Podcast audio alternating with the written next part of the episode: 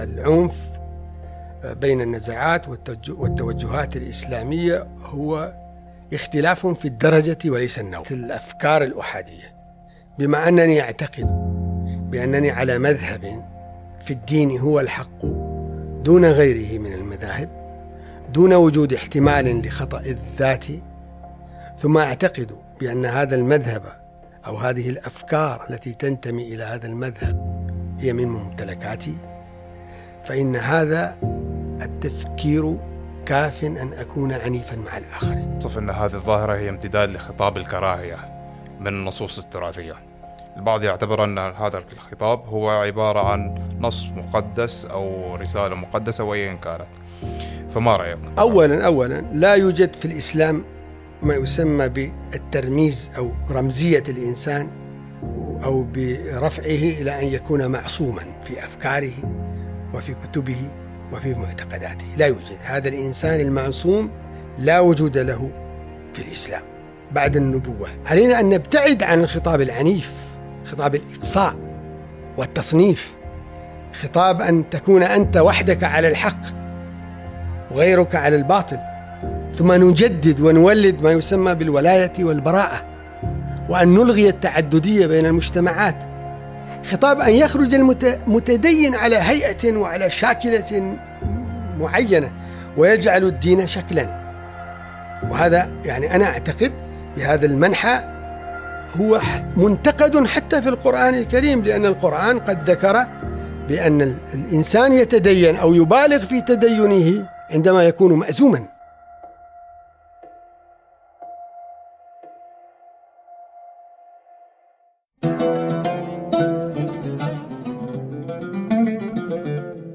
السلام عليكم. حلقة جديدة من بودكاست جلسة كرك التقيكم أنا محمد الهنائي. في حلقة استثنائية مع شخصية مميزة واللي هو الدكتور سعود الزجالي. أهلا دكتور. مرحبا بك محمد ومرحبا بالسادة المتابعين. يا مرحبا فيك. الله يحييك. آه صار لنا مدة طويلة يمكن ما يقارب سنتين. أي من زمان. ما عملنا لقاء بعد سلسلة اللي هي مراجعات فكرية. آه هذه الحلقة راح نعمل فيها مراجعة فكرية لبعض الأفكار. اللي تدور في الساحة اللي عليها نوعا ما بعض اللغط وبنشوف وين بيأخذنا الحوار. تحديدا الموضوع الأساسي لهذه الحلقة اللي هو العنف اللفظي. أنا لاحظت مؤخرا أن أنت أجريت لقاء هاتفي على إذاعة مسقط فهم بعدها بدقائق انحذف جزء من اللقاء اللي تتكلم فيه عن هذا الموضوع اللي هو العنف اللفظي. فايش رأيك؟ قبل أن نتكلم عن العنف اللفظي إيش رأيك بهذا الفعل؟ بسم الله الرحمن الرحيم. طبعا يعني اللقاء كان على الهواء مباشرة. وحذف اللقاء أثار استغرابي ولذلك يعني لا أستطيع الإجابة عن هذا السؤال ولكن يبدو أنه يعني يلزم أن نوجه هذا السؤال إلى الجهة التي قامت بحذف هذا الجزء من اللقاء على تويتر. لا سيما وأن اللقاء قد كان مباشرا وربما يعني تسرب إلى الجماهير وحذفه يعد يعني فعلا غريبا. يعني يعتقد أن الجهة تحتاج إلى وضع إجابات حول هذا الحذف. لم ما حد يعني ما حد علق على الموضوع لأن بعدين تم نشر الموقع المقطع في تويتر وأخذ صدى أكبر. ربما يعني يعني يشاع بأن يعني الموضوع يتعلق بخطأ أو لكن أنا يعني يعني غير مقتنع بهذه الإجابة. لاحظتها الظاهرة أنا لاحظتها عند المتدينين بشكل واضح جدا أو من يتابع المتدينين ويرتضي أسلوبهم وطريقتهم في التعاطي مع مثل هذه القضايا المطروحة. نعم. طيب ماذا لاحظت يعني هل هم يستخدموا مثلا آه يعني من خلال تغريدتك تقصد بعض الألفاظ للفت الانتباه مثلا؟ يستخدمون كثير من الألفاظ مم. يعني ألفاظ تتعلق مثلا بالتضليل مم. وتفسيق الباحث ألفاظ تتعلق بطائفية التي تتناقض مع مثلا مع المواطنة وأسس المواطنة ودولة المؤسسات والتعددية الثقافية والإثنية في المجتمعات يستخدمون أحيانا يعني بعض الألفاظ التي فيها القدح والشتم أحيانا يستخدمون بعض الألفاظ التي تصل حتى إلى عائلة الناقد أو الباحث يعني انتهاك للأب للأم للزوجة للأهل للبنات. آه، كل ذلك يعني لأن عندهم آه، اعتقاد بأن هذا نوع من الإلزام أو نوع من آه، نوع من الإقناع للمتلقي أو للمتابع لدحض هذه الفكرة التي يعني يطرحها هذا الناقد، يعني هم لا يناقشون ابدا القضية المطروحة واحيانا حتى داخل القضية المطروحة تجدين بأن يعني هذا النوع من الناس يترك الموضوع الأساسي المطروح ويمسك بتلابيب موضوع آخر لا علاقة له بالقضية المطروحة، كل هذا يعني ملاحظ محتوى اللقاء ومحتوى الحوار كان عن العنف اللفظي. ف أنا أثار فضولي هذا المصطلح كونه يتكرر والكثير يعاني منه. فبرأيك إيش إيش معنى هذا المصطلح؟ دائما يعني هناك في في المنطق اللاصوري هناك حيل. الخطابات أو الحوارات لها استراتيجيات والنقاش آه، آه، له منطق له مسار محدد علمي ومنطقي. آه، دائما في هذه الخطابات وفي, وفي هذه الحوارات هناك حيل. هذه الحيل تندرج دائما تحت المغالطات المنطقية. يلجأ المتحاور أو طرف من المتحاورين إلى مثل هذه الحيل أو إلى هذه المغالطات المنطقية بسبب ضعفه في إدارة الحوار أو في الإمساك بالموضوع آه، الذي هو الأساس في هذا الحوار. فالعنف اللفظي هو يعني نوع من الحيل التي تندرج آه، تحت آه، المغالطات المنطقية لإرباك الطرف الآخر. وطبعا يعني ربما ينجح يعني هذا الطرف لإرباك الطرف الآخر إذا كان هذا الطرف آه، يعني ليس على دراية كافية بالمنطق اللاصوري أو بهذه الحير الحيل والاستراتيجيات في الخطاب. أنا شخصيا متخصص في مجال تحليل الخطاب ولا تنطلي علي مثل هذه الحيل وأنا على إدراك وعلى وعي تام بمثلها ولذلك يعني أنا لا أستغرب منها أبدا ولا تربكني آه، ابدا وإنما أستطيع أن أرد عليها وأن أقوم بتحليلها وأن أتجاوزها. العنف اللفظي هنا يعني دائما هو يعني انحراف من الموضوع الأساسي موضوع الحوار إلى شخص المتكلم. يعني يقوم هذا الطرف آه، بالاتجاه إلى هذا الشخص بانتهاكه مثلا انتهاك في شخصه في شكله في ملابسه آه، في انتماءاته في لغته آه، في أي شيء يتعلق بشخصه لا يتعلق بموضوع الحوار ينتهك يقوم بانتهاكه يعني يقذفه يشتمه يقزمه كل هذه الحيل والاستراتيجيات التي يتوسلها هذا الطرف لإرباك الطرف الآخر. هذا المقصود بالعنف اللفظي. زي دكتور في سلسلة تغريدات لك أنت حاولت تأصلها في النصوص التراثية. نعم. فهل معناها يعني كعنف لفظي يختلف لما تكون مؤصلة في النصوص التراثية الدينية مثلا؟ أنا أعتقد بأنه لا يوجد للإنسان فعل آه، يعني يصدر من هذا الإنسان إلا ووراء هذا الفعل اعتقاد. لا يمكن أبدا للإنسان أن يقوم بفعل إلا إذا كان معتقدا بأنه يجب أن يفعل هذا الفعل أو يلزم أن يفعله أو يستحب. فالتأصيل هنا التأصيل يتعلق باعتقادات الإنسان في توجهه إلى مثل هذه الممارسات في الحوارات. عندما نظرت في التراث الإسلامي وجدت بأن موضوع الولاية والبراءة لها علاقة بالعنف اللفظي. لا سيما وأن البعض يعرف يعني هذا موجود في الأدبيات وفي الأطر النظرية الإسلامية التراثية أن أن البراءة دائما طبعا البراءة من العاصي من الضال من الفاسق من الكافر كفر نعمة من الكافر الكفر الملي كل هؤلاء آه، يكونون في دائرة البراءة. أي دائرة البغض أي لا يواليهم المؤمن. وبالتالي هو فعل قلبي في الأصل. يعني هو اعتقاد في القلب بأنني يجب أن أبتعد وأتجنب هذا الإنسان الذي هو على العصيان أو الضلال أو الكفر أو إلى آخره. لكن يتبع هذا البغض الشتم باللسان كما يرد في في الأطر والتعريفات التراثية. وبالتالي هناك فرق بين الإنسان الذي ليس على دراية كافية بالمعتقدات الكلامية والتراث الإسلامي وبين الشخص الذي هو على دراية. المتدين اليوم الملتزم أو الذي يبدو على شكل معين اللي هو التدين يعني الظاهري آه، هذا هذا التدين الظاهري يدل على أن هذا المتدين على دراية بهذا المنحى أو هذه النزعة في مسألة البراءة. وبالتالي هو يعتقد بأنه لا حرمة للعاصي. وربما هو يضع هذا المتحاور أو هذا الإنسان الذي يطرح أفكاره في خانة العصيان أو في خانه في خانة الضلال والفسق كما فعلوا في التراث القديم التراث الإسلامي. يعني فعلوا مع السهروردي وفعلوا مع الحلاج وفعلوا مع آه، ابن سينا وفعلوا أيضا مع الرازي الطبيب آه، تمييزا للرازي المتكلم. وفعلوا مع كثير من المتكلمين والفلاسفة وال آه، وال يعني العلماء الذين ينتمون إلى الطبيعيات إلى آخره لأنهم كانوا يعتقدون بأن هؤلاء من يعني منحرفون عن الجادة وعن السبيل التي يجب عليهم أن يسلكوها وبالتالي هم في دائرة الضلال والكفر.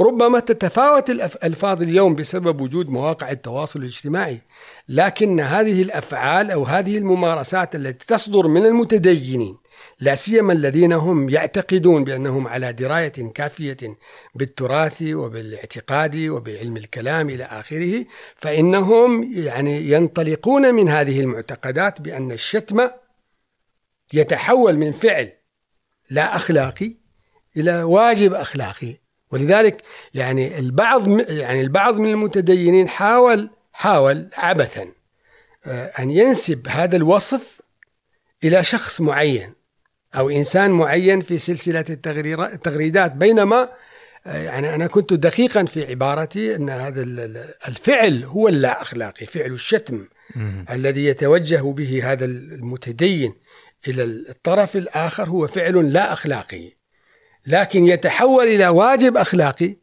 بسبب آه، تنزيل المتكلم أو هذا الطرف في منزلة العاصي ثم البراءة من هذا العاصي لأنه فاسق فينتهك في شخصه. لأنه لا حرمة عندهم لهذا الشخص بسبب عصيانه مثلا. العصيان ربما يكون في بسبب التوجهات والأفكار إلى آخره. وهل هذا موجود في مختلف المذاهب أم موجود في أماكن معينة؟ هو غالبا طبعا موجود في كل المذاهب أو كل التوجهات والنزاعات الدينية. أنا أنا أعتقد شخصيا يعني ما اعتقده نصر حامد أبو زيد بأن العنف بين النزاعات والتوجهات الإسلامية هو اختلاف في الدرجة وليس النوع. يعني هو موجود في كل النزاعات الدينية ولكنه يعني يتفاوت في الدرجة.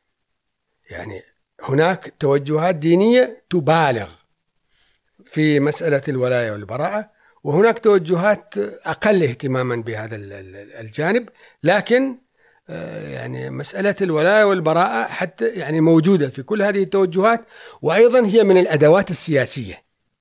هي من الأدوات السياسية كيف؟ آه، آه، التي تستخدم لإقصاء الأطراف الأخرى أو لاكتساب الكثير من المتابعين قديما وحديثا إلى هذه اللحظة ما تزال مثل هذه المقولات وأنا ربما تكلمت سابقا وبأن يعني مسألة المقولات الكلامية ليست بريئة دائما وهي محض دينية لا وإنما هي آه، يعني ترتبط بالمضاربات السياسية أحيانا.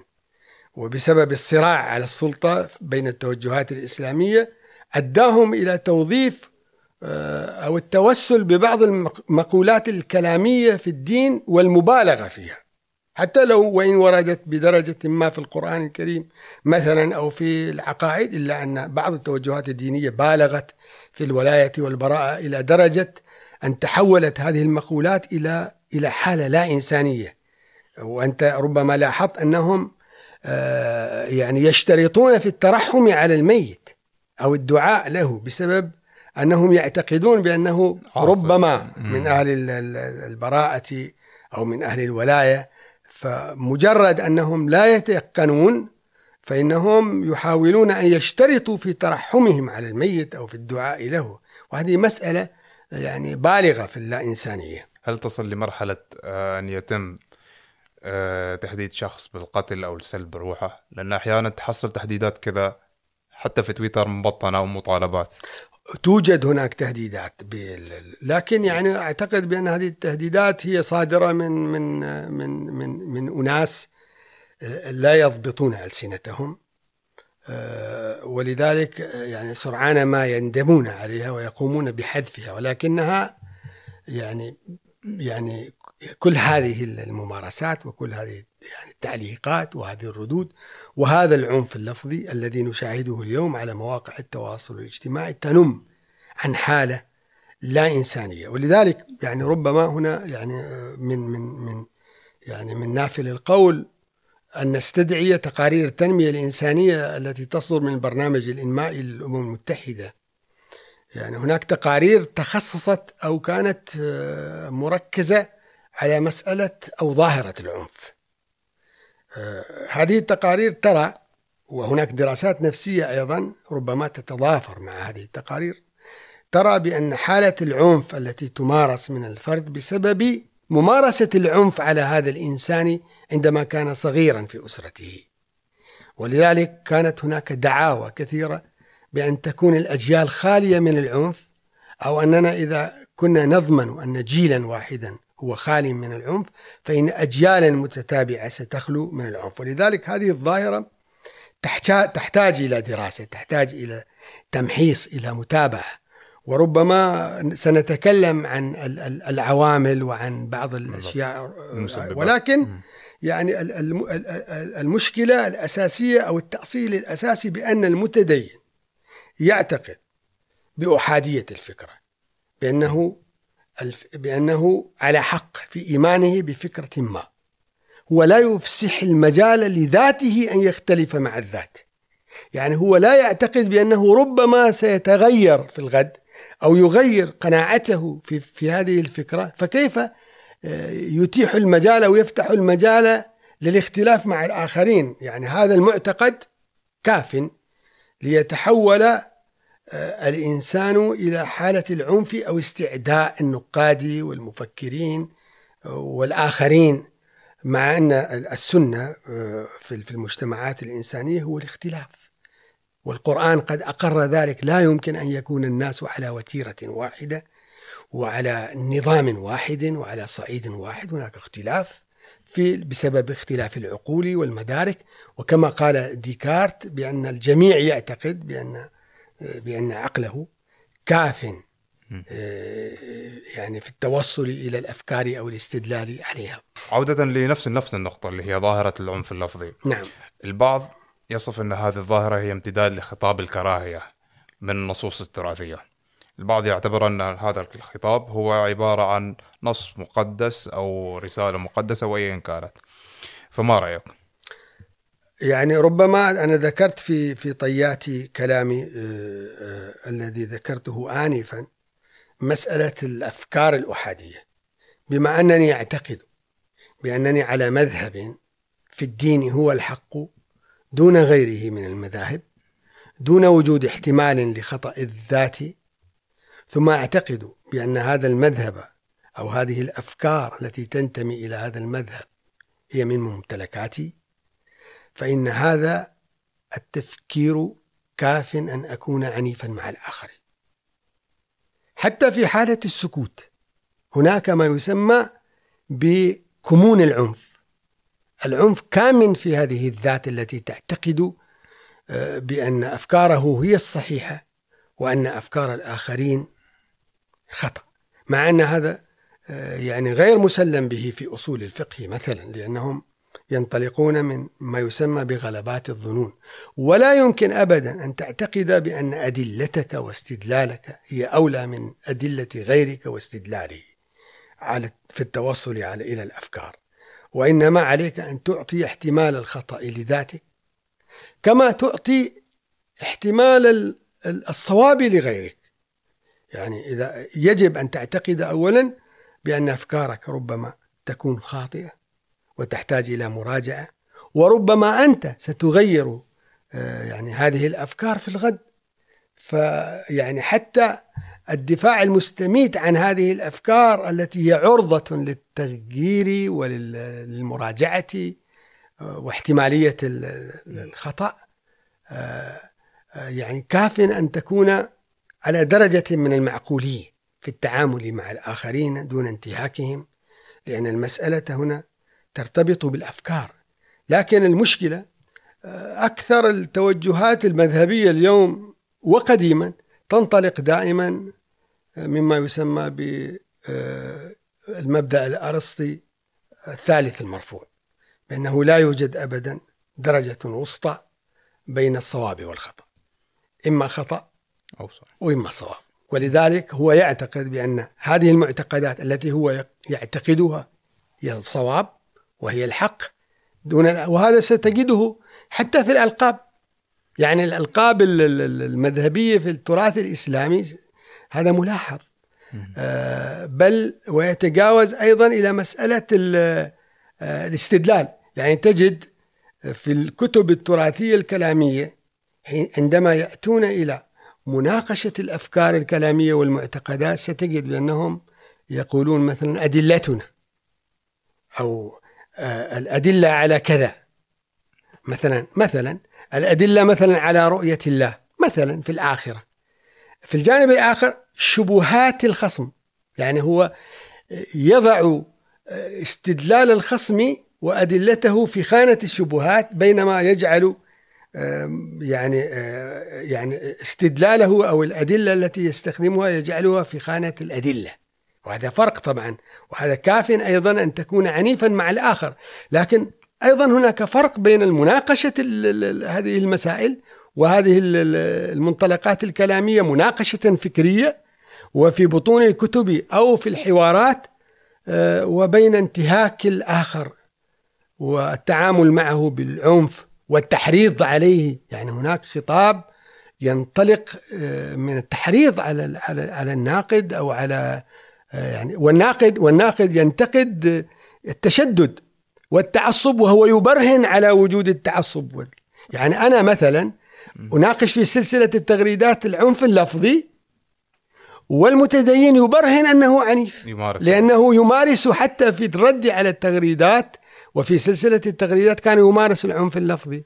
فيعني أنت لا تحتاج حتى على يعني إلى الاستدلال على وجود هذا العنف اللفظي في هذه الحوارات. زين دكتور هنا البعض ممكن يفسر أن أنت ما تقوم به سواء من أطروحات مقالات أو تغريدات وحقك حريتك في التعبير. فهو في نفس الوقت يمارس حقه أو حريته في التعبير. فأنت تصفه أنه عنيف لفظيا. هو يمكن في المقابل نفس الشيء يراك أنت تمارس عنف لفظي تجاه مقدساته أو تجاه أفكاره فإيش تعليقك؟ آه، أعتقد يعني يعني يمكننا أن نجيب عن عن هذا السؤال أو هذا التساؤل آه، من عدة وجوه. يعني اولا هذا الهاجس الذي يتهجس به البعض آه، وهو ملاحظ في كثير من الحوارات لا يخلو من الطائفية. كيف يعني؟ من روائح الطائفية لأنه يصنف يصنف البشر ثم يصنف انتماءهم إلى الأفكار بحيث تتحول هذه الأفكار إلى ممتلكات ممتلكات فئة دون أخرى وهذا لا يمكن ابدا أن يكون مثلا عندما نأتي إلى الأفكار وهي في الحالة السديمية كما يصطلح عليها في علم اللسان أو في علوم اللسان أو عندما تكون هذه الأفكار حبيسة النفس. يعني أنت مثلا لديك أفكار الآن وتوجهات لم تتكلم بها. هي في حوزتك وفي دخيلة النفس. لا يمكن للإنسان الآخر أن يتوصل إلى تلك الأفكار حتى تتكلم. آه، لأن اللسان هو الدليل أو الكلام هو الدليل على وجود الأفكار في ذهنك وفي ذاتك وفي عقلك. بما أنك لم تتكلم فإن هذه الأفكار تظل حبيسة. إذا تكلمت بهذه الأفكار في مواقع التواصل الاجتماعي أو وضعتها في الكتب أو في مقالات ونشرتها فإن هذه الأفكار تتحول إلى سوق التداول. لم تعد هذه الأفكار ممتلكات لك ولا لفئة من الناس وإنما هي متاحة. يعني مثلا عندما نأتي إلى أفكار لابن تيمية في مؤلفاته وفي كتبه هل يستطيع إنسان اليوم أو فئة من الناس أن تدعي بأنه لا يجوز لسعود الزدقالي أو محمد الهنائي أن يتناول هذه الأفكار؟ يستطيع يعني الإنسان أن يتناولها. سواء أكان هذا الإنسان في أستراليا أو في الولايات المتحدة أو في المملكة المتحدة أو في سلطنة عمان أو في أي بقعة من بقاع الأرض. لا يمكن أبدا أن تمنع إنسانا من آه، آه، يعني من من من تناول هذه الأفكار لأنها منسوبة إلى ابن تيمية. وابن تيمية قد مات وبما أنه كتبها ودونها حتى وإن كان حيا فإنه لم يعد مالكا لتلك الأفكار لأن النصوص مبثوثة في سوق التداول والنقد ولكل إنسان أن يتناولها. هذا الهاجس أيضا من العوامل التي تدعو إلى العنف وإلى ادعاء امتلاك الأفكار وأنها لي أنا أو لفئة من الناس، أنا أتناول هذه الفكرة هي منسوبة إلى فلان أو إلى فلان مبثوثة في كتبه أو في مؤلفاته في مقالاته أناقشها وذلك من من حقي. بل اليوم أنت لا تستطيع أن تمنع الدراسات. هناك اليوم حقل يسمى الدراسات القرآنية. هذا الحقل فيه اعتراك لكثير من الأفكار والدراسات التي لا تنظر أبدا إلى قداسة القرآن من المستشرقين ومن غيرهم إلى آخره. هل تستطيع أن تمنع هذه الأفكار وهذه الدراسات؟ لا تستطيع لأن هناك أقساما في الجامعات وفي الأكاديميات. لا يمكن أن تمنع هذه الأفكار من التداول أو من النشر أو من نقاش. أنت تستطيع فقط أن تتناول هذه الأفكار وأن تقوم بما يسمى ببناء نقد على نقد أو قول على قول. لكنك لا تستطيع ابدا أن تمنع تلك الأفكار من انتشارها أو من دراستها ومن قراءتها لأن النصوص لم تعد آه، آه، من ممتلكاتك بل البشر. الحياة البشرية أو المجتمعات البشرية قائمة على إنتاج النصوص. لا يمكن أبدا أن تنطلق آه، الحياة الإنسانية في أي مجتمع إنساني دون إنتاج النصوص. لماذا البعض يعتقد أن فكرة معينة تحملها شخصية تاريخية أو أي شخص من الشخوص هي مقدسة ولا يجب المساس بها؟ وكأنك أنت لما تنتقدها نقد علمي أو حتى تتكلم عنها أنت كذا كأنك لامست أو أو عبثت بمقدس عنده. فعشان كذا تكون هو عنده ردة فعل تجاهك. مو إحنا ما جالسين حد نتكلم عن شخصيات بشكل عام. بشكل عام جدا. نعم. فإيش تفسيرك لهذا اولا اولا لا يوجد في الإسلام ما يسمى بالترميز أو رمزية الإنسان أو برفعه إلى أن يكون معصوما في أفكاره وفي كتبه وفي معتقداته. لا يوجد. هذا الإنسان المعصوم لا وجود له في الإسلام بعد النبوة. حتى في مسألة النبوة هناك دراسات وهناك أفكار وهناك أقوال في التراث الإسلامي. في مسألة الارتكاب الكبيرة والصغيرة إلى آخره موجودة في كتب الكلام. يستطيع الإنسان أن يعود إليها ليعلم كيف أن التراثيين قد اختلفوا في مسألة عصمة النبي. فما بالك بالآخرين؟ المشكلة أن الكثير يعني نفس الفكرة السابقة التي طرحتها من امتلاك الشخصيات وامتلاك الأفكار. تعتقد فئة من الناس بأن هذا الإنسان فقط لأنها تعظمه. فقط بأنها تعظم هذا الإنسان فإنه لا يجوز أبدا تناول أفكاره. إذا كنت لا تريد أن يتناول الآخر أفكاره فاحبسها. عن الانتشار. بما أنها منشورة مكتوبة منتشرة في الأسواق لا يمكنك أن تمنع النقد. فمسألة أن يكون الإنسان بكامله معصوما في أفكاره وأن يكون منزها من الخطأ هذا من المسالك المؤدية إلى العنف وإلى ضيق الهويات بين الناس. لا يمكن أبدا لأن هذا النوع من الاعتقاد يندرج تحت الاعتقادات الكنسية والكليروس والكهنوت الديني وهذا ممنوع في الإسلام. الإسلام لا يعترف أبدا بقداسة أحد بعد الله تعالى ولا بعصمة أحد بعد النبوة. الأفكار مبثوثة ولذلك أنت لو عدت إلى كتب هؤلاء المتدينين بأنفسهم ستجدها مفعمة أو ممتلئة بالانتقاد أفكار الآخرين. فهم يحرمون ما يبيحونه لنفسه يعني يحرمون على الناس ما هو مباح لهم. فكيف تبيح لنفسك انتقاد أفكار الآخرين؟ والكتب دالة على ذلك لأن لأن التأليف ولأن إنتاج النصوص قائم على ما يسمى بالتداخل النصي. أنت تبني نصا بسبب تضافر النصوص وتداخل النصوص السابقة. لا يمكن أن تبني نصا من عندياتك. أنت تبني النصوص بسبب التداخل. إما اقتناعا بتلك النصوص السابقة أو اعتراضا عليها ونقدا. وبالتالي ما يسمى بالديالكت عند هيجل الأطروحة وضد الأطروحة ثم الناتج. فهذا الصراع هو الذي يؤدي إلى العلم. ولذلك لو عدنا اليوم إلى ما يسمى بعلم اجتماع الفلسفات للكتاب الذي ترجم إلى العربية لراندال كولينز آه، وهو كتاب ضخم لكنه مهم تناول التراث الإسلامي ستجد هناك خرائط رسمها هذا المؤلف كيف أدى الصراع الفكري بين الشخصيات والتداخل بينهم إلى إنتاج هذا التراث، هذا التراث ناتج من الصراع وبما يسمى بقانون الأعداد الصغيرة. لا يمكن ابدا أن ننتج فكرا جديدا إذا كنا نعتقد بأن ما سبقنا من الأفكار هو الحق المطلق.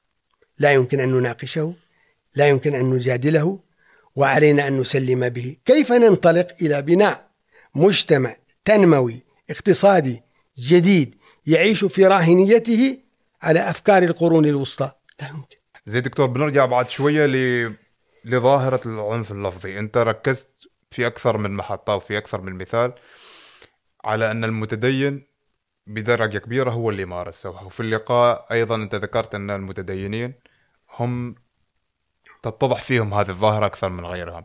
لكن في الجانب المقابل أيضا في هناك اللي هم المتحررين الليبراليين والناس العاديين يمارسوا العنف ممكن بنفس الدرجة ضد المتدين. فكيف استنتجت أنه هم بدرجة كبيرة يمارسوا هذا العنف؟ طبعا أنت لا تحتاج إلى مزيد من النظر والتمعن لفهم المسالك ولفهم الحوارات ولفهم هذا الخطاب. هناك فرق طبعا. آه، أنا لا أدعي بأن الليبرالي أو العلماني أو الإنسان الذي ينطلق من منطلقات فكرية محضة آه، يعني ليس متطرفا في كل أحواله. لا يوجد التطرف. التطرف موجود في الديمقراطية التطرف موجود في العلمنة. التطرف موجود في كثير من الأفكار الراديكالية. لكن طبعا هناك فرق بين مجرد الاختلاف والعنف فيه وبين الاختلاف والعنف فيه مع الاعتقاد بأنك من أهل النار أو بأن مصيرك يعني إلى النار وبأنك فاسق وبأنك كذا أو بأنك مرتد وتستحق القتل. يعني هذه أفكار عنيفة جدا. لا يمكن ابدا أن تنشأ هذه الأفكار وأن تعيش اليوم في المجتمعات الديمقراطية أو التي تنزع إلى أن تكون مجتمعات اقتصادية متعددة متحاورة تؤمن بالاختلاف. اليوم علينا أن نحتكم إلى القانون إلى نظام الدولة. بما أنني بما أنني لا أضر غيري بأفكاري ومعتقداتي فأنا حر فيها. ومن حريتي أيضا أن أناقش الأفكار المتداولة الموجودة في سوق التداول.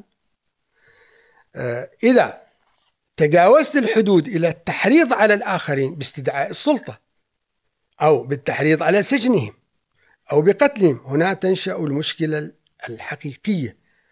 لو عدنا إلى التاريخ الحديث التاريخ العربي الحديث أو الإسلامي الحديث سنجد بأن الكثير من الاغتيالات السياسية حدثت بسبب فتاوى المتدينين. يمكنك أن ترجع مثلا إلى اغتيال آه، أنور السادات وتقرأ الفتاوى التي كانت حول كفره مثلا لأنه لا يحكم بما أنزل الله وهذا موجود في عند المتدينين لأنهم يعتقدون بأن الذين لا يحكمون بما أنزل الله وهم طبعا يختزلون ذلك في الحدود الشرعية. فإنه فاسق أو كافر أو إلى آخره. أو مثلا ما مورس على نصر حامد أبو زيد أو فرج فودة أو إلى يعني هؤلاء أو قديما عند الحلاج أو السهروردي المقتول. الفتاوى هي التي أحدثت هذا الشرخ في المجتمعات الإسلامية وما تزال اليوم. الآن يمكنك أن تستدعي حادثة آه، اغتيال أو رشدي. محاولة رشدي. يعني كيف لشاب أن يتناول السلاح وأن يتهجم على إنسان لأنه يريد أن ينتصر للدين أو للنبي. وهو مع ذلك يعني أحدث ما لم يكن يتوقعه الناس ربما بسبب تقادم.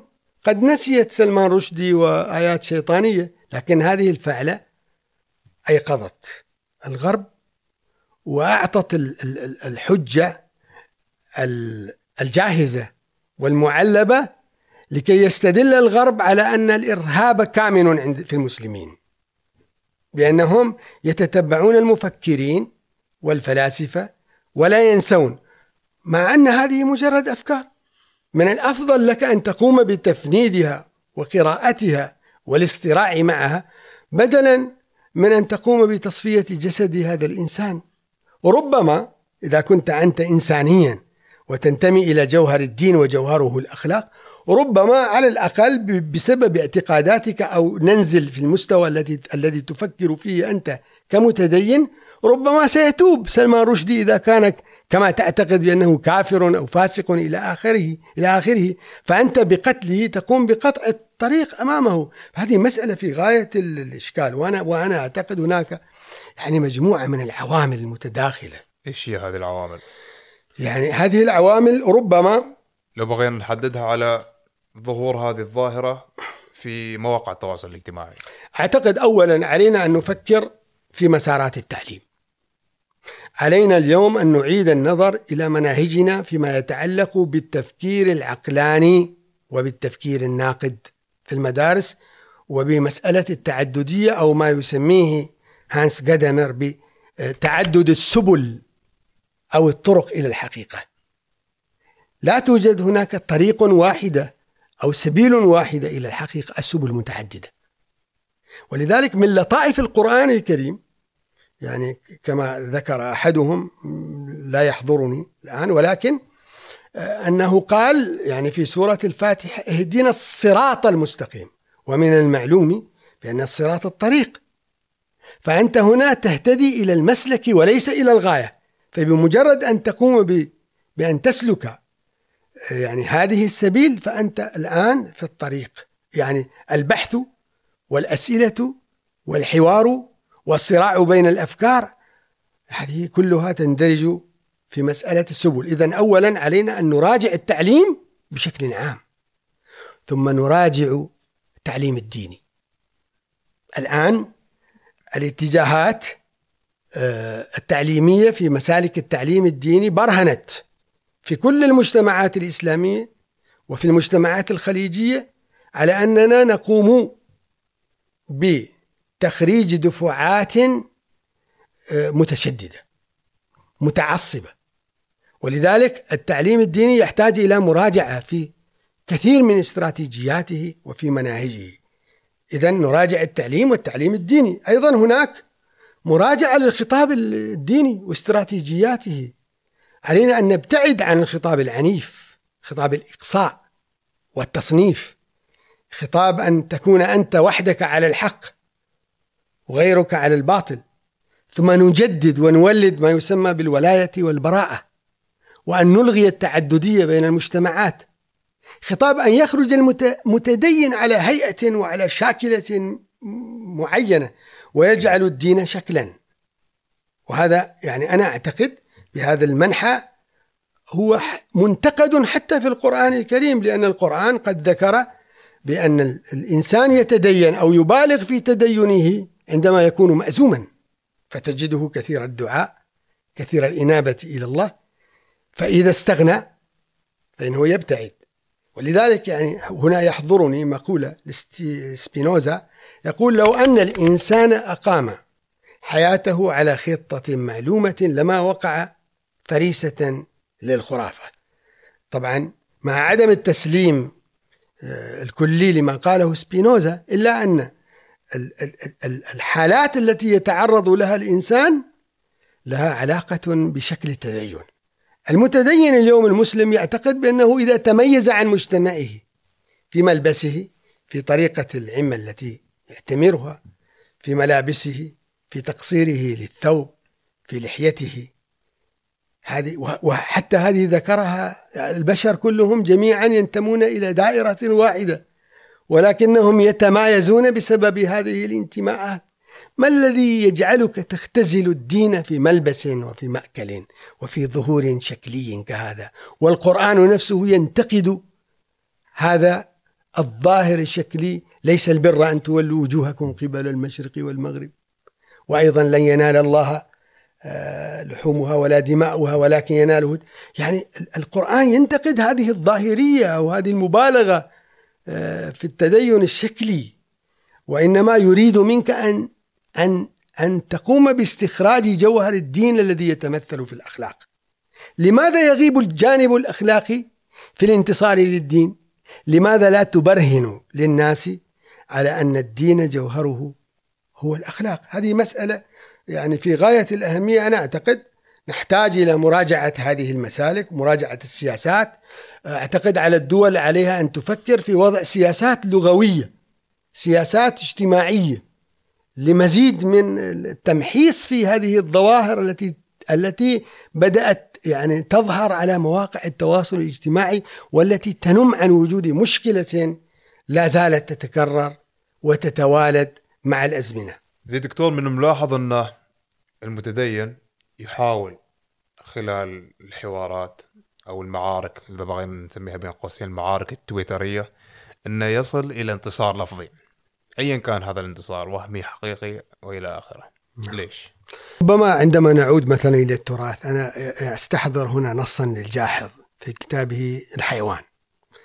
يعني هناك حوار دار بين أحد المعتزلة ومعتزلي آخر يعني سأله عن أوجب الواجبات وهذا مع يعني معلوم في التراث الإسلامي بأنهم يرتبون بين الواجبات يعني نجد مثلا في في متن الزبد عند الشافعية أول واجب على الإنسان معرفة الإله باستيقانه. لكن الإجابة كانت صادمة من هذا المعتزلي قال أول الواجبات هو الشك. والشك طبعا هنا هو الشك المنهجي. حتى يعني ربما أذكرك براندال كولينز في كتابه علم اجتماع الفلسفات ذكر هذا الباحث بأن أصول الكوجيتو الديكارتي موجودة في التراث الإسلامي. عند الغزالي وعند ابن سيما ابن سينا شيخ الرئيس ابن سينا وعند السهروردي فيما يسمونه ببرهان الرجل المعلق. الآن عندما نعود إلى التراث الإسلامي سنجد حتى في القرآن الكريم يعني القرآن في سورة الذاريات يعني أريد أن أستحضر الآية تقول إنه لحق مثلما أنكم تنطقون. يعني لكي يؤصل الفكرة ويضعها في دائرة اليقين فإنه يحيل على شيء أعلى درجة في اليقين هي الذات المتكلمة. إنه لحق مثلما أنكم تنطقون. أي أنت لا تستطيع لا تستطيع أن تشك في ذاتك الناطقة. والنطق هنا يتعلق أيضا بالعقل لوغوس. عندما نعود إلى التراث الإسلامي سنجد بأن المتكلمين الذين ينتمون مثلا إلى الماتريدية والأشاعرة كانوا يحرمون التقليد. وكانوا يرون بأن لكي نبني أفكارنا ومقولاتنا العقدية بشأن التصور عن الذات الإلهية فإننا فإنه علينا أن نؤسسها على الشك ثم اليقين تدرج إلى اليقين. اليوم معظم الأفكار هي أفكار تقليدية فئوية مسيسة نابعة مما يسمى بالتدين الجمعي أو الدين المرسم. أي المتدين لا يجد أبدا فرصة لبناء علاقة متفردة مع الله. مسيسة من قبل من؟ آه، مسيسة من قبل الجماعات من قبل التراث. هناك تاريخ لهذا التراث من قبل الحكومات أيضا. لها دور في مسألة وهذا موجود في التراث الإسلامي منذ العهود الأولى منذ العهد الأموي ثم العهد آه، أيضا العباسي. يعني ربما لو عدنا إلى ما يسمى بالمحنة آه، في بدايات القرن الثالث الهجري عند المأمون إلى الواثق إلى آخره ثم ما يسمى ب آه، يعني العهد القادري في عهد الخليفة القادر. سنجد أيضا ثم الدول المتتابعة وهكذا هناك تأثر يعني الحكومات تؤثر في المقولات الدينية وفي إنتاج نسخة رسمية للدين. وبالتالي لا يستطيع الفرد أن يمنح نفسه فرصة التفكر في علاقته مع الله. مع أن المسؤولية آه، في الإسلام هي مسؤولية فردية. علاقتك أنت مع الله هي علاقة فردية. أنت مسؤول عنها. لن يحاسبك عليها أحد إلا الله. ولذلك هؤلاء بسبب هذا التقليد فإنهم يندرجون ما يسمى بعدم امتلاك الأفكار. ولذلك هم يخافون يخافون من اضمحلالها يعني عند لديهم هاجس يتهجسون به دائما خوف اضمحلال المذهب اضمحلال الانتماء إلى فئة دينية معينة. على الرغم من أن الإسلام لم يطالبك بأن تكون منتميا إلى مذهب أو إلى طائفة دينية ولن يسألك الله عن هذه الطائفة ولا عن آه، مسألة الانتماء إنما يسألك عن اعتقادك وعن أفعالك ويحاسبك عليها بالاشتراك بينك وبين الله. اقرأ كتابك. كفى بنفسك اليوم عليك حسيبا. لا لا أقسم بيوم القيامة ولا أقسم بالنفس اللوامة. هذه النفس التي لا يمكن ابدا أن يموت ضميرها. هذه المساله الأولى. فاذا هناك هشاشة في الأفكار. هذه الهشاشة تؤدي إلى عدم الفصل بين الدين بوصفه نصا وبين التدين بوصفه فهما. فدائما المتدين يضع نفسه في خانة الناطق عن الله وأنه في ممارساته يمثل الدين ويمثل القرآن وأنه عندما ينتقي آية قرآنية فإنه يضربك ويخاصمك ويقسمك ويتغلب عليك وينتصر عليك. عندما نعود مثلا في التأويليات إلى هايدجر سنجد بأننا اليوم آه، آه، آه، لا نؤول النص لنفهمه وإنما وإنما نؤوله لأننا فهمناه أي أن الفهم سابق على التأويل تأويل.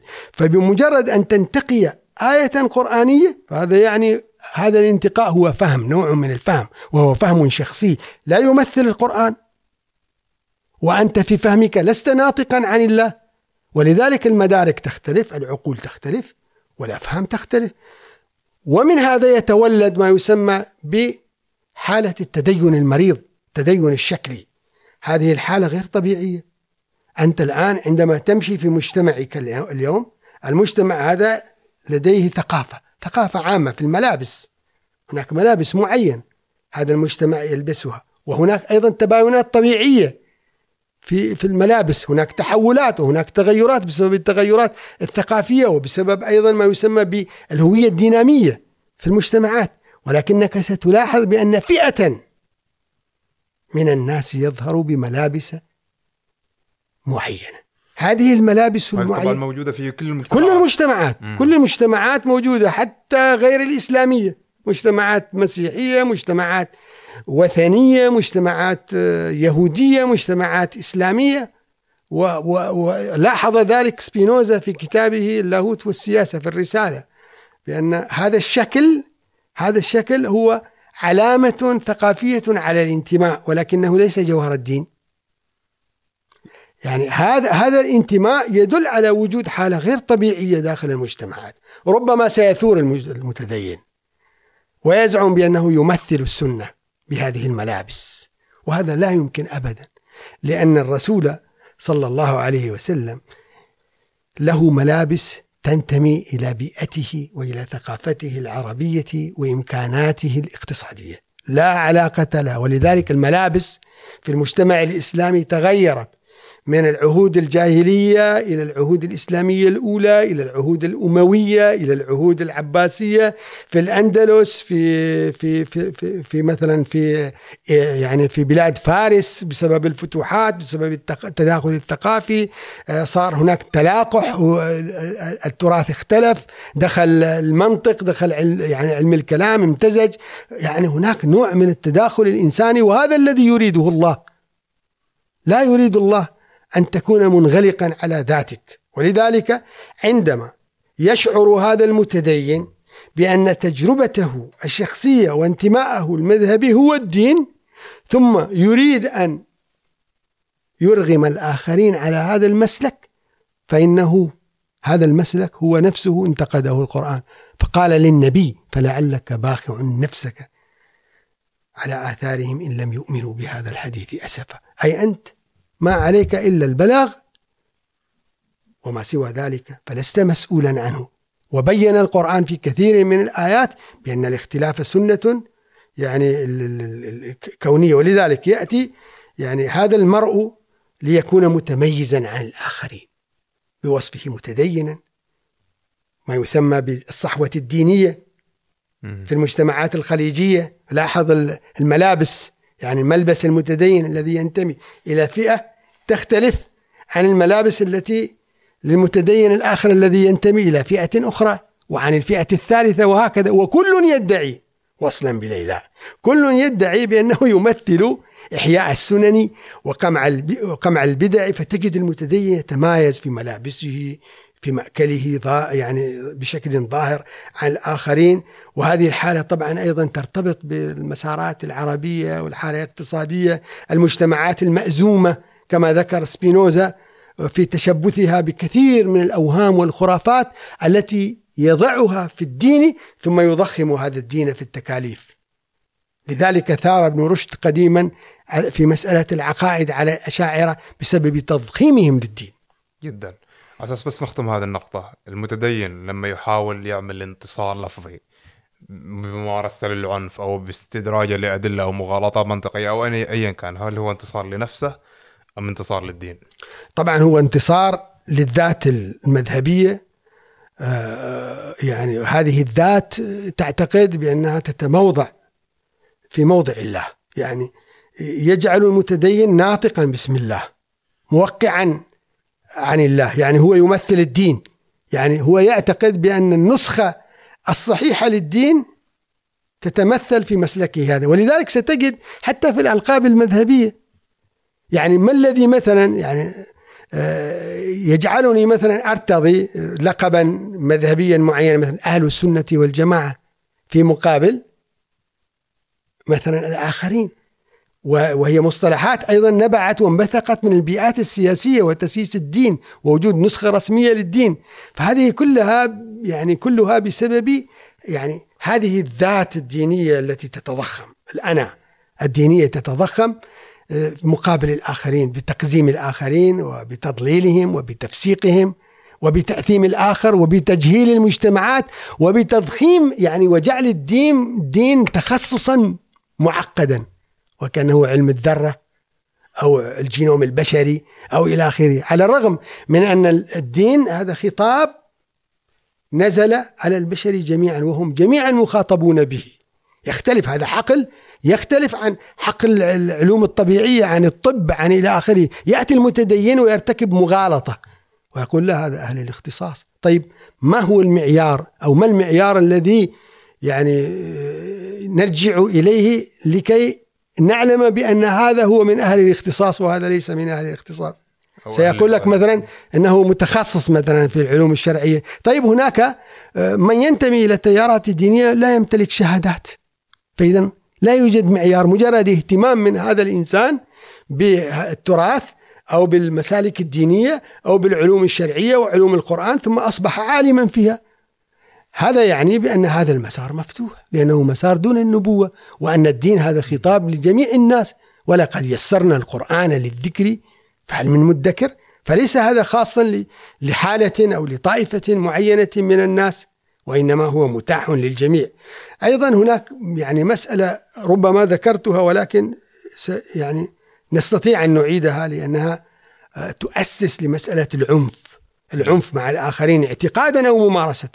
هي مسألة رمزية العلماء وقدسية الأفكار وهذا مخالف لجوهر الدين كما قد ذكرت لأنه لا يمكن أبدا أن يكون إنسان من الناس ينتمي إلى طائفة دينية معينة هو معصوم عن الخطأ وأن كل أفكاره صحيحة لا يمكن أن نناقشها لا سيما وأننا نعيش في عصر تختلف مشكلاته عن عصورهم. زين دكتور هنا ممكن نتوقف آه عند سؤال يعني في الآونة الأخيرة وجهت لك اتهامات بأنك أنت منحاز مع طرف ضد طرف آخر وأن في هناك نوع من النزعة أو النفس الطائفي فإيش ردك على هذه الانتقادات؟ كونك أنت انتقدت بعض الشخصيات أو بعض الرموز الدينية المقدسة لدى البعض. اولا طبعا يعني هذا السؤال نابع من المكبوت الطائفي. هذا سؤال ليس سؤالا بريئا وإنما سؤال بسبب الانا المذهبية الموجودة عند هذا السائل أو هذا الذي يتهجس بهذا الهاجس. ذلك لأن الأفكار منسوبة إلى أصحابها. وأنا من حقي أن أقوم بدراستها وحتى أبرهن على عدم صدق هذا السؤال لماذا لا توجه هذا السؤال إلى المستشرق جون ويلكنسون الذي تخصص في دراسة طائفة معينة لماذا لا توجه هذا السؤال لجورج مقدسي الذي تخصص في الإسلام الحنبلي مثلا ودرسه. لماذا لا توجه هذا السؤال إلى مستشرقين بولنديين وفرنسيين يعني تخصصوا في مجالات دينية ونزعات مذهبية إسلامية معينة؟ بل قمت بطباعة كتبهم. وأنا تحدثت عنها في عام 2014 عن بعض هذه الكتب. قمت بطباعتها والاحتفاء بها. وأحيانا أنت لم تقرأ مضامين هذه الكتب واحتفيت بها حتى تفاجأت بما فيها من مضامين نقدية ربما تكون جارحة للانا المذهبية وتضخمها. فهذا سؤال يعني يعني يحتاج إلى إعادة نظر وإلى العودة إلى هذه الذات المذهبية. هذا اولا. ثانيا الأفكار مطروحة. ولا يمكن للباحث أن يقوم بدراسة كل الأفكار وإنما هو يتخصص في مجال من المجالات الدينية وفقا للحاجة والاهتمام وأيضا وفقا ل يعني الجدة في هذه الأفكار. هناك توجهات دينية ومذهبية لم تدرس في العالم الإسلامي وأنا عندما أختار لدراستها أختارها فقط بسبب الدوافع العلمية والنقدية. لا أهتم أبدا بالهواجس التي يتهجس بها هذا السائل أو ذلك السائل. يعني أنت تنفي وجود نزعة نعم. مذهبية وطائفية. وثانيا أيضا هو لا يستطيع أن يتملك هذه الأفكار. هذه ليست من ممتلكاته. وأنا قد أجبت عن يعني هذا السؤال سابقا في النادي الثقافي التابع لوزارة التراث حينما طرحت ورقة وقلت لهم بأن هذه التوجهات والأفكار الدينية المذهبية هي منسوبة إلى أصحابها وليست من ممتلكات أحد. وأنا من حقي أن أقوم بدراستها بما أنها منشورة ومبثوثة في سوق التداول. لا يمكن أبدا أن تمنع إنسانا أن يقوم بدراسة هذه الأفكار لأنها موجودة في سوق التداول. بادعاء أنها من ممتلكاتك أو أنها تثير أيضا مسألة حتى مسألة إثارة يقول هذا يثير النعرات. كيف يثير النعرات من يقوم بانتقاد التعصب الديني والمذهبي؟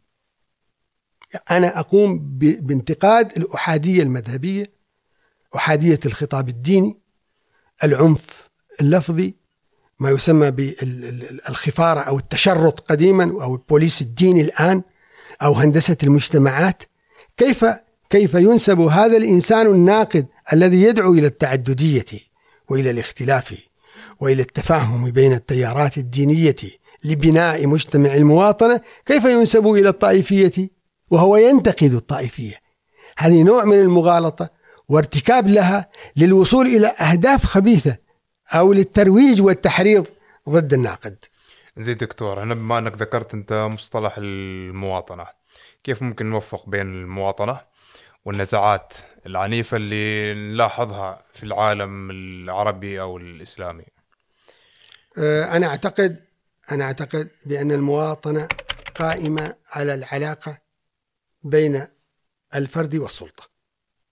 هي علاقة بين الفرد والسلطة وفق منظومة الحقوق والواجبات. والمواطنة قائمة على المشترك السياسي. المشترك السياسي هنا يتمثل في القانون. مثلا في النظام الأساسي للدولة في سلطنة عمان. على الجميع أن يحترم النظام الأساسي للدولة في السلطنة. حتى يستطيع أن يتعايش مع الآخرين وأن يسلم بتعددية المجتمع في انتماءاته الثقافية والعرقية والإثنية واللغوية وإلى آخره. آه، يعني يتعايش مع هذه ويؤمن بالاختلاف آه، ويعلم تماما بأن التوجهات الأحادية المغلقة هي ضد التنمية الشاملة التنمية الاقتصادية الانفتاح على المجتمعات الأخرى ترويج السياحة. يعني الآن السلطنة تريد أن تصل وأن تحقق رؤية عمان 2040 كيف لها أن تحقق؟ بمثل وجود هذه المعتقدات الأحادية أحيانا أو العنف اللفظي وعدم قبول الآخر وعدم الرغبة في الاندماج أو الترويج السياحي أو إلى آخره. المتدين يتدرج في مسألة هندسة المجتمعات يريد أن يصل وأن يمكن ليصل إلى حتى انتزاع السيادة أحيانا من الدولة كما هو موجود. وأنا شخصيا لا أنتقد لا أنتقد المعتقدات الدينية. لا تهمني المعتقدات الدينية. لك أن تعتقد ما شئت من المعتقدات الفردية بشأن الله والتصور عن الذات الإلهية هذا لا أهتم به أنا. ما أهتم به أنا لو تلاحظ هي القضايا المتعلقة بالإسلام السياسي أو الحركي وانتزاع السياسة من الدولة.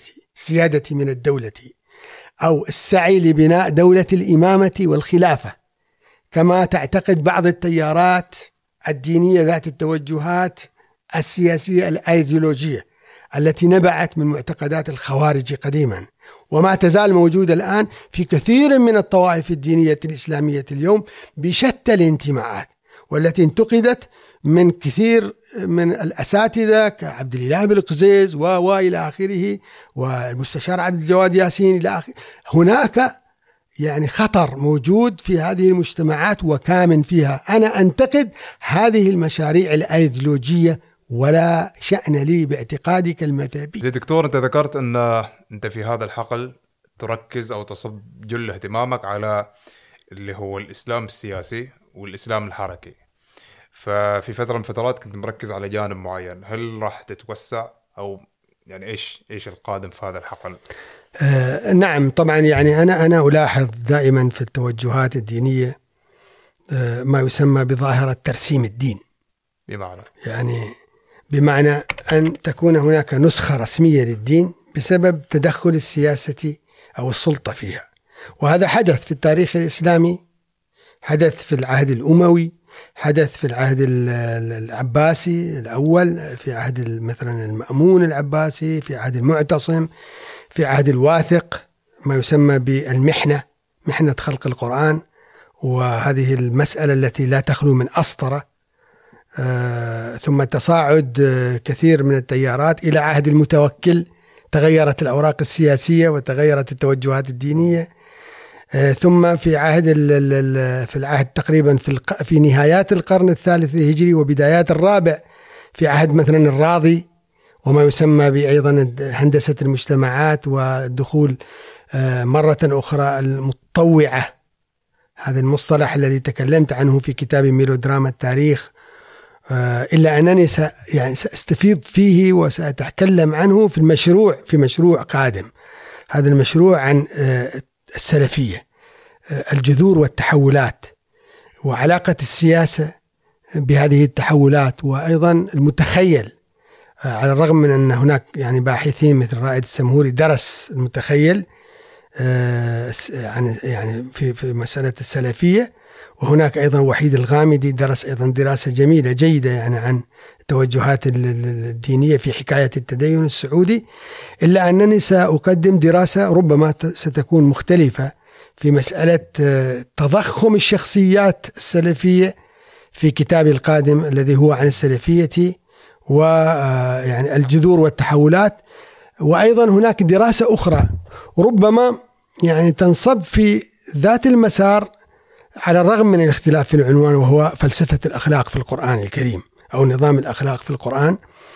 هذا الكتاب س يعني يركز على مسألة النظام الأخلاقي من الطبيعة الإنسانية في القرآن الكريم، كيف أن القرآن أسس لهذه الذات الإنسانية وكيف جعلها ذاتا أخلاقية. يعني وأنا تحدثت عن بعض الشذرات في لقاءات لي سابقا عندما قارنت بين التوجه القرآني في الأخلاق بالتوجه الكانتي لأن كانت له أيضا جذور لاهوتية ولذلك حاولت أن أقارن أو أن أوازن بينهم وأن أبحث عن مشتركات وأحاول أن أقدم قراءة فلسفية مختلفة فيما يتعلق بالأخلاق القرآنية، يعني كل هذه المشاريع تصب في المسار نفسه مسار البحث عن يعني الفرد في علاقته مع الله في تجربة الدين. الأخلاق في الدين الدين في الوجدان الإنساني بدلا من أن يخضع الدين للمضاربات السياسية وتوجهاتها آه، وزيف السياسة وخبث السياسة يجب أن يكون الدين شيئا مختلفا أو ما آه، نستطيع أن نسميه بالأسس ما قبل السياسية ما يؤسس لأخلاق الفرد في تعامله مع الله وفي تعامله مع الآخرين. زي دكتور ما تعتقد أن هذا النوع من المشاريع لأن راح تبحث في الجذور وأيضا تحولات من ثم إلى الأخلاق في القرآن الكريم. ما تعتقد أنه ممكن يسبب لك آه، جدل واسع أو يعرضك لعنف لفظي على مدى أوسع؟ لأن الأعمال أو المشاريع الفكرية السابقة كانت على نطاق نوعا ما آه، أضيق. ف أعتقد أن هذا أمر طبيعي. لأن البحث مغامرة. البحث مغامرة إنسانية ولا تخلو من مشاق ومن متاعب. يعني والمتدين نفسه يعترف آه، بأن الأنبياء كانوا يواجهون الكثير من المصاعب في سبيل أن يوصلوا أفكارهم بطرق مختلفة إلى الآخرين أو لدفع الخرافة أو لإنشاء عقائد مختلفة أو لبناء مجتمعات مختلفة إلى آخره. وهذا أمر طبيعي. البحث كذلك البحث مغامرة إنسانية في مسالك الفكر الإنساني وفي صراعات هذا الفكر. فمن الطبيعي أن يواجه الباحث بعض الإشكالات وبعض المصاعب. ولكن أيضا هذا لا يعني بأن نغادر ظاهرة العنف اللفظي في مجتمعاتنا والتحريض وخطاب الكراهية في هذه المجتمعات ضد الباحثين وضد المفكرين حتى لا نعيد ما سبق في التاريخ من تصفية المفكرين أو لأن هذه مسائل خطيرة جدا المجتمعات أن تقوم بدراستها وأن يكون هناك دور كبير للمؤسسات يعني في المستقبل للحد من هذه الظاهرة برأيك إيش إيش هو الدور اللي لازم أو الخطوة اللي لازم تتخذها المؤسسات؟ أنا أعتقد بأننا يعني ربما أحيانا نجرب ما يسمى بالحلول الأمنية أو الحلول القانونية لكن هذه حلول غير مجدية. كيف؟ آه الحل الأمني حل مؤقت أو ما يسمى بإرهاب القانون أو بعنف القانون وهو عنف شرعي طبعا. يعني دائما عندما نأتي إلى تعريف الدولة كما عرفها ماكس فيبر آه هو ذلك الدولة هي ذلك يعني هي ذلك الكائن الذي يحتكر العنف. أي من أن تمارس أنت العنف ضد الآخرين أو أنا هناك سلطة قمنا باختيارها هي التي تقوم بممارسة العنف للحد من المخاطر وللحفاظ على حياة الناس والمجتمعات. هذا أمر آه، يعني طبيعي. لكن هذا لا يعني بأن الحل للمشكلات الفكرية يكمن في التصرف الأمني أو في القانون فقط. لا. يجب علينا أن نقوم بدراسة الأفكار في منابعها وفي جذورها وفي حيواتها الاجتماعية وفي تحولاتها وفي مساراتها. آه، ولذلك أنا أنا أنا أدعو المؤسسات الأكاديمية أن تقوم بإنشاء ما قسم خاص في تابع لعلم النفس ما يسمى بعلم النفس الديني. علينا أن ندرس ظاهرة التدين. دراسة نفسية مستفيضة. وأن نفس أن نفسح المجال لدراسة ظاهرة الدينية وظاهرة التعصب و... وأن لا ندعي بأن مجتمعنا هو مجتمع مثالي وملائكي وخال من التعصب. هذا أمر لا يستقيم أبدا والأفكار الإنسانية. لذلك هناك أدوار كثيرة منوطة بالمؤسسات بالحكومات بالأفراد بالباحثين بالمفكرين. لكن إذا قمنا بالحد من انتشار هذه الأفكار النقدية والعلمية فإننا في المقابل نضخم من حالة الأنا الدينية المتضخمة والتعصب والنرجسية الدينية وبالتالي سندخل في مآزق في المستقبل. ونصطدم في مسارنا التنموي وفي الاستراتيجياتنا التي تنزع لبناء مجتمع إنساني متعدد فإننا سنصطدم بهذه التوجهات الدينية في المستقبل. أيضا هناك ما يسمى اليوم بالتخطيط اللغوي. سابقا أنا قدمت مشروعا عندما كان يعني قبل تقريبا يعني ما لا يقل عن 15 سنة لبناء مؤسسة معنية بالتخطيط اللغوي وهذا موجود في مجتمعات راقية والتخطيط اللغوي يعني معني بدراسة المسارات والتوجهات الإنسانية والاجتماعية ومسار اللغات والاستدلال يعني بها على وجود ظواهر اجتماعية ونفسية مختلفة. لو قمنا بمثل هذه الأشياء أعتقد بأننا سننجح في تجاوز الكثير من المآزق. أما إذا كنا نفسح المجال للخطاب الديني الأحادي الذي يضخم مقولات قديمة ويحاول أن يستعيدها وأن يغذي الشباب بأفكار المودودي وسيد قطب التي أنتجت الإرهاب في المجتمعات العربية آه، الإسلامية وضخمت بما يعني ما يسمى بالجهادية والأفكار السلفية المتطرفة والإرهاب فإننا نعيد التجربة ذاتها يعني نعيد التجربة ذاتها مرة أخرى في في مسارنا آه، الاجتماعي الحالي. زين. آه، دكتور أنت ذكرت في أكثر من مرة آه، سواء في التغريدات أو حتى في اللقاء اللي هو مصطلح البوليس الديني. إيش تقصد؟ أو من تقصد فيه؟ آه، يعني جميل جدا ان ان ان, يعني ان ان أن, أن تثير هذا السؤال لأن يعني من بين الأشياء أو القضايا التي ألاحظها في طرحي هناك تضخيم لبعض المصطلحات أو الحيد بها عن المفهوم الأساسي أو التقني لهذه المصطلحات. طبعا مصطلح البوليس الديني هو مصطلح قديم. الاستخدام فقط أو أو العبارة مختلفة. يعني قديما كانوا يسمون آه، التشرط يعني يطلقون مصطلح التشرط على المتدينين الذين يمارسون دور الشرطة في المجتمع. كما فعلت حركة المطوعة أو المطوعة في العهد العباسي في بدايات القرن الثالث الهجري في عهد المأمون. العباسي إلى عهد آه، الواثق ثم اختفت ثم ظهرت مرة أخرى في نهايات القرن الثالث الهجري وبدايات القرن الرابع في عهد الراضي مثلا آه، بسبب تصاعد التيارات الحنبلية في بغداد أو أو بإطلاق مصطلح الخفارة. وهذه كلها لها علاقة بما أطلقه اليوم بمصطلح أو عبارة البوليس الديني. وأعني بوجود ظاهرة عند المتدينين هذه الظاهرة تنزع إلى هندسة المجتمعات وإلى أن تكون على نظام واحد وفق ما يراه المتدين. ووفق اجتهاداته. وهذا موجود حتى في التاريخ. يعني العماني ما يسمى بالمحتسب أو الاحتساب أو الإمام المحتسب. وهذه ظاهرة خطيرة جدا تولد ما يسمى اليوم في الدراسات العلمية بالإسلام الاجتماعي. وهذه مصطلحات تقنية علمية. لا يحتاج من المتدين أن يقوم بتضخيمها وأن يحملها على غير ما حملت يعني عليه من الأفكار المدونة في كتب المصطلحات أو الكتب آه، أو في الدراسات العلمية. فهذا هذا المتدين يقوم بالتدخل في حريات الآخرين بما سمح القانون لهم أن يمارسوه.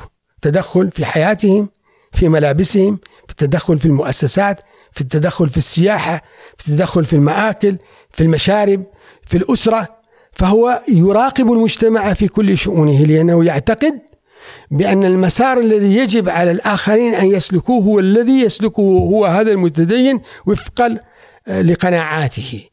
وإذا خالف المجتمع أو خالف الفرد هذا المسلك فإنه يقع في دائرة الفسق والضلال وعلى المتدين أن يأمره بالمعروف وأن ينهاه عن المنكر لكي يعود إلى رشده.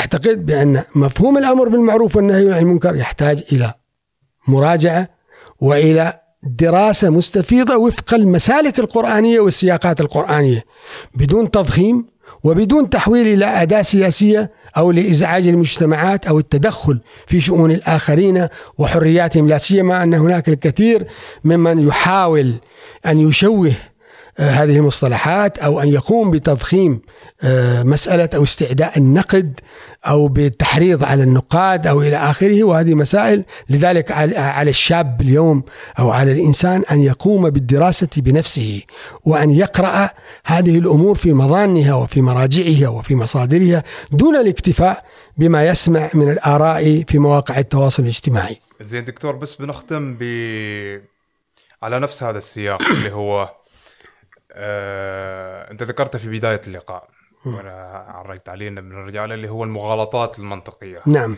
ان دائما المتدين يعمد إلى استخدام هذه المغالطات المنطقية على أساس يثبت إن وجهة نظره صحيحة في كثير من الأحيان. نعم. آه، هل ممكن تذكر أمثلة؟ ربما يعني سنوجز في في هذا الجانب لأن هذا هذا يحتاج يعني أنا وعدت المتلقين بأنني سأقوم بطرح آه، بعض الأفكار حول المغالطات المنطقية أو الحيل التي تستخدم في حوارات المتدين ضدي أو ضد الآخرين ممن يقومون بطرح أفكار مختلفة ربما آه، عن الخطاب السائد. يعني مثلا لو جيت إلى ظاهرة العنف اللفظي في ذات التغريدات وستجد مفردة لا أخلاقي هذه المفردة التي أطلقتها في التغريدات تتحدث عن هذه الظاهرة عن ظاهرة العنف اللفظي لا تتحدث. يعني هذا الخبر هنا أو هذا النعت عن الفعل فعل يعني العنف اللفظي وليس ليس خبرا عن شخص أو نعتا لشخص. ما الذي فعله المتدين؟ يعني قام آه، قام بتحويل بتحويل الموضوع وتحريفه من مساره آه، ودع طبعا كذبا بأنني أنعت إنسانا أو عالما من العلماء بأنه لا أخلاقي. وهذه حيلة يعني من حيل الخطابات اللامنطقية أو الحيل التي تتوسل المغالطات المنطقية لكي يغير يعني مسار الجدل لكي يغير مسار الموضوع ويزعم بأن المتحدث أو المتكلم يتكلم عن هذا الموضوع ويعني والحقيقة على خلاف ما يدعي. هذه مسألة يعني هذه من بين الحيل والمغالطات المنطقية التي يعني يستخدمها المتدين وهذا كثير وهذا كان يعني أنا يعني أراقبه منذ سنوات.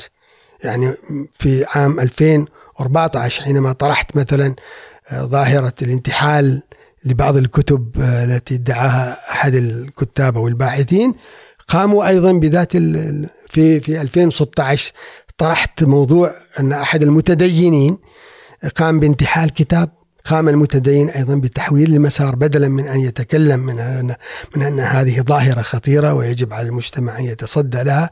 قام باستعدائي وقام بانتهاكي وقام بتحويل الموضوع وأنني أتحدث عن الرموز. كل هؤلاء المتدينين يعتبرون أنفسهم رموزا في مجال الدين وناطقون يعني بسم الله. أيضا مثلا يقوم آه، أحيانا باستخلاص يعني المتدين يقوم باستخلاص النتائج كاذبة أو وهمية أو تشويه المفاهيم التي لا تعكس ابدا راي الناقد ولا تحتمله يعني العبارة. مثلا يقوم آه، يعني يقوم بإعلان الفوز على على الطرف الآخر. آه، خلاص هذا لا يستطيع أن يحاول لذلك مثلا يدعي لماذا لا تفتح؟ هذا كثيرا ما لماذا لا تفتح التعليقات؟ إننا نريد أن نرد عليك. طيب أنت تستطيع الرد علي في أي مكان؟ في صفحتك؟ بالاقتباس؟ بكتابة مقال؟ هل ضاقت السبل والأمكنة؟ فلا تستطيع الرد. وأنت قادر على الرد إلا في تحت التعليقات. أنا أنا أغلق التعليقات بسبب ظاهرة العنف اللغوي وأنا عندي رصيد كامل يعني لو صورت هذا الرصيد وأتيت به إلى هذا اللقاء لوجدت صفحات كثيرة جدا من الشتائم والانتهاكات اللفظية التي يعني لاحظتها من المتدينين. أيضا يعني أحيانا يدعي المتدين بأنه لا يفهم الأسلوب هذا الأسلوب الفلسفي والمصطلحات العلمية المقعرة والصعبة. وأن يعني لا يستطيع أن يتعامل معها وأن الناقد يأتي بهذه المصطلحات فقط لكي يصعب الموضوع وهذا أيضا من المغالطات والحيل آه، المنطقية في استراتيجيات الخطاب والحوار مع الآخرين. آه، من أبرز المغالطات التي يستخدمها المتدين اليوم هو استدعاء السلطة. عندما تطرح نقدا لظاهرة اجتماعية من الظواهر ولأن المش... لأن المتدين ي... يعني يضع تلك الظاهرة من ممتلكاته الشخصية أو الفئوية يقوم باستدعاء السلطة والتحريض على الناقد للرغبة في سجنه أو في إبعاده وإقصائه. وأيضا هناك من الحيل الموجودة أيضا والتي يعني يتوسلها المتدين هو الغضب هو يغضب. كلما طرحت فكرة من الأفكار يغضب والغضب دائما في استراتيجيات الخطاب يدل على هشاشة الأفكار. دكتور سعود آه، الحديث يطول. أه ونحن دائما يعني نسعد بأن نلتقي فيك في جلسة كرك. أه رسالة أخيرة لمتابعين البرنامج. أه يعني دعوتي يعني موجهة إلى الشباب. أن الأفكار السائدة ليست دائما هي الأفكار الصحيحة. وأن بناء الأفكار لكي تكون قوية وقادرة على مواجهة التحولات يجب أن تكون بناء علميا آه، قائما على مسالك علمية ومناهج في التفكير آه، التي تؤدي إلى نتائج رصينة. وأيضا عدم الثقة بهذه النتائج وإن كانت رصينة التي توصل إليها واستدل بكثير من الأدلة عليها وإنما عليه أن يراجعها. وأن ما يعتقده اليوم صوابا ربما سيعتقد خطأه في الغد فعليه أن يراجع. وعلى الإنسان اليوم أن يعود إلى المصادر وأن يقرأ بنفسه وأن لا يجعل عقله يعني أسيرا لعقول الآخرين. لأن الأنوار كما قال كانت هو أن تستعمل عقلك الذي وهبك الله تعالى وأنت مسؤول عن تصرفاتك ومعتقداتك ولست مسؤولا عن تصرفات ومعتقدات الآخرين وأن الدين هو علاقة مع الله تعالى وهو مسؤول وحده أمام الله عن تلك العلاقة. شكرا دكتور. شكرا لك محمد على هذه الاستضافة وشكرا للسادة المستمعين والمتابعين وإلى اللقاء. بإذن الله. حسابات الدكتور بتكون موجودة تحت في صندوق الوصف أيضا رابط الاستماع للحلقة. أيضا بنحط رابط اللي هو سلسلة مراجعات فكرية اللي أنهيناها وعملناها قبل عامين من الآن. هذه الحلقة بتكون أيضا آه، تكملة للسلسلة لأجزاء السلسلة. آه، إذا عندكم اقتراحات أو تحبوا أن نتعاون مع بعض إيميلنا موجود. like و share و subscribe نشوفكم إن شاء الله على خير. مع السلامة.